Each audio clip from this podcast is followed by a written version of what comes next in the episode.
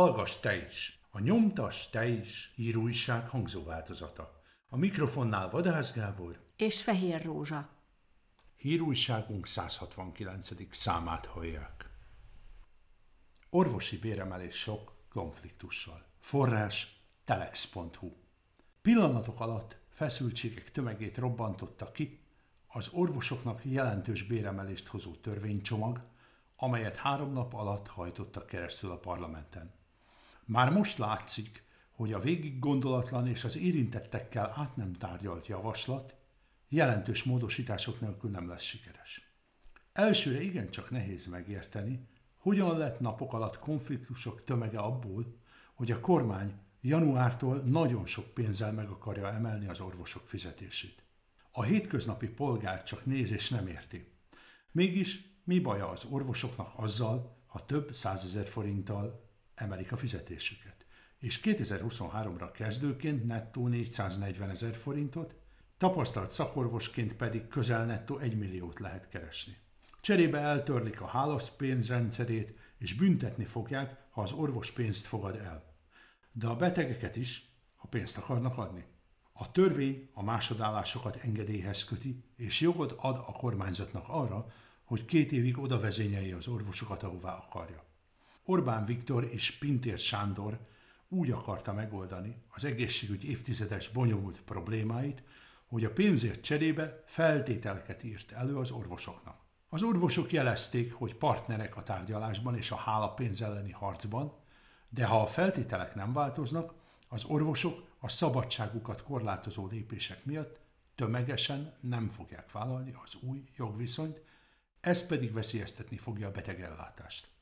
Az ápolók körében is nagy a felzúdulás, hogy őket kihagynánk az ilyen mértékű béremelésből, pedig nélkülük nem lehet sikeres az orvosok munkája sem.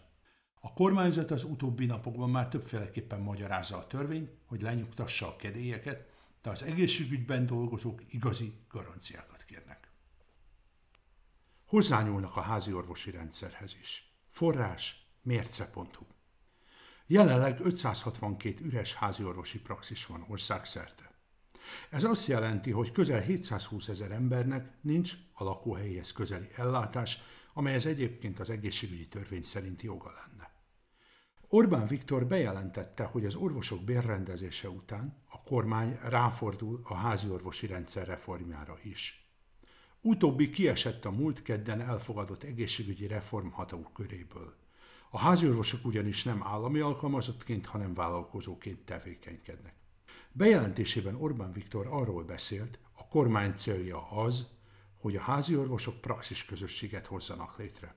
Ne legyen üres praxis Magyarországon. A praxis közösség lényege, hogy a hagyományos egy orvos, egy praxis rendszer helyett orvosok, nővérek és más szakemberek egy csapatként nyújtanának komplex egészségügyi szolgáltatásokat 15-20 ezer embernek. Több szakértő szerint mindenek előtt meg kell teremteni azokat az anyagi és szakmai feltételeket, amelyekkel újra vonzóvá lehet tenni a házi orvosi szakmát. Ilyen az esélyegyenlőség a közmédiában.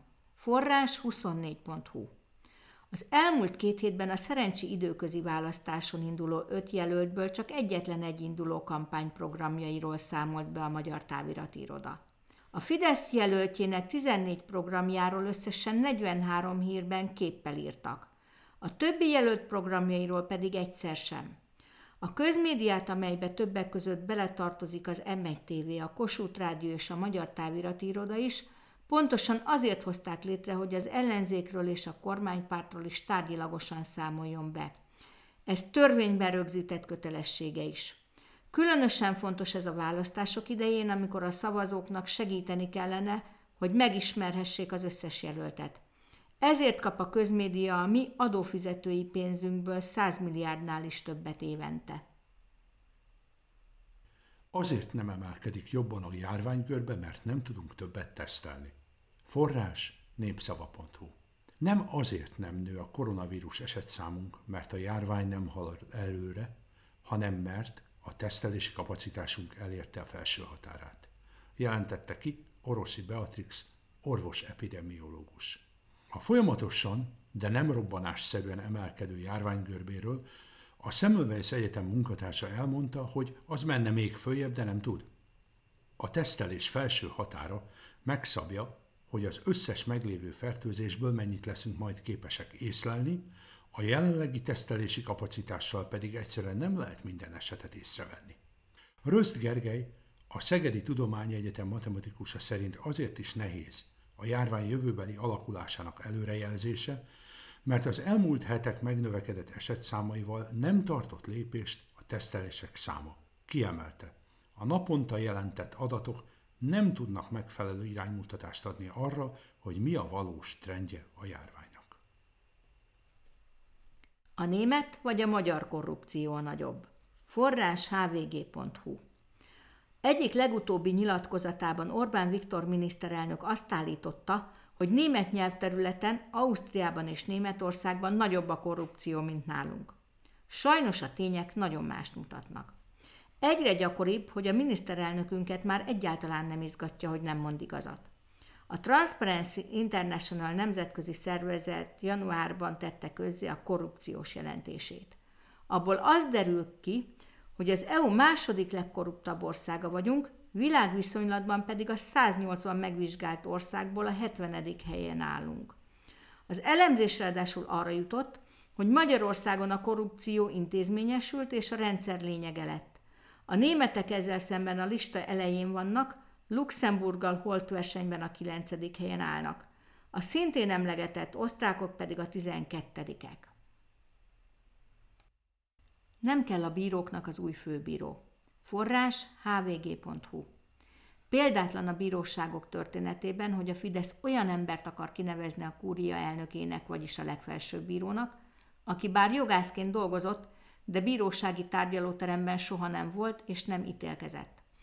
Az Országos Bírói Tanács tagjai megismerték Varga Zsolt András szakmai önéletrajzát, meghallgatták és kérdéseket intéztek hozzá, majd egy igen, 13 nem szavazattal tartózkodás nélkül úgy döntöttek, hogy nem támogatják a kúria elnökévé történő megválasztását. Közleményükben azt írják, hogy a jelölt korábban a bírósági szervezetrendszerben egyáltalán nem végzett ítélkezési tevékenységet, tárgyalótermi tapasztalattal nem rendelkezik, a peres ügyek és bírósági igazgatás terén gyakorlati múltja nincs. A rendszerváltás óta kizárólag olyan személy töltötte be a legfelsőbb bíróság, illetve kúria elnökének tisztségét, aki ezt megelőzően hosszabb-rövidebb ideig bíróként is dolgozott. Ennek ellenére a parlamenti fideszes többség mégis főbírává választhatja.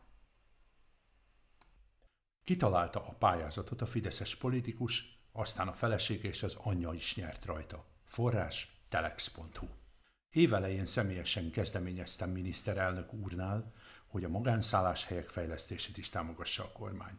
Nyilatkozta Vilcman Mihály, Fideszes parlamenti képviselő. Javaslata alapján a Magyar Turisztikai Ügynökség már májusban megkérdette magán és egyéb szálláshelyek fejlesztését célzó pályázati felhívását. A képviselő felesége 2,4 millió forint, édesanyja pedig 2 millió forint állami pénzt kapott, hogy fejleszthessék Balatonlellei szálláshelyeiket. Legyen ön is a szabad sajtó támogatója vagy önkéntes terjesztője. A Nyomtas Te is pártoktól független közösségi hetilap és mozgalom, amely a hiteles információktól elzárt településekre szeretné eljuttatni a valódi híreket. A lapot bárki letöltheti és terjesztheti a nyomtasteis.hu oldalról. Támogasson minket sokszorosítással, önkéntes terjesztéssel vagy pénzadománnyal. Számlaszámunkat honlapunkon találja. Kapcsolat nyomtasteis kukac nyomtasteis.hu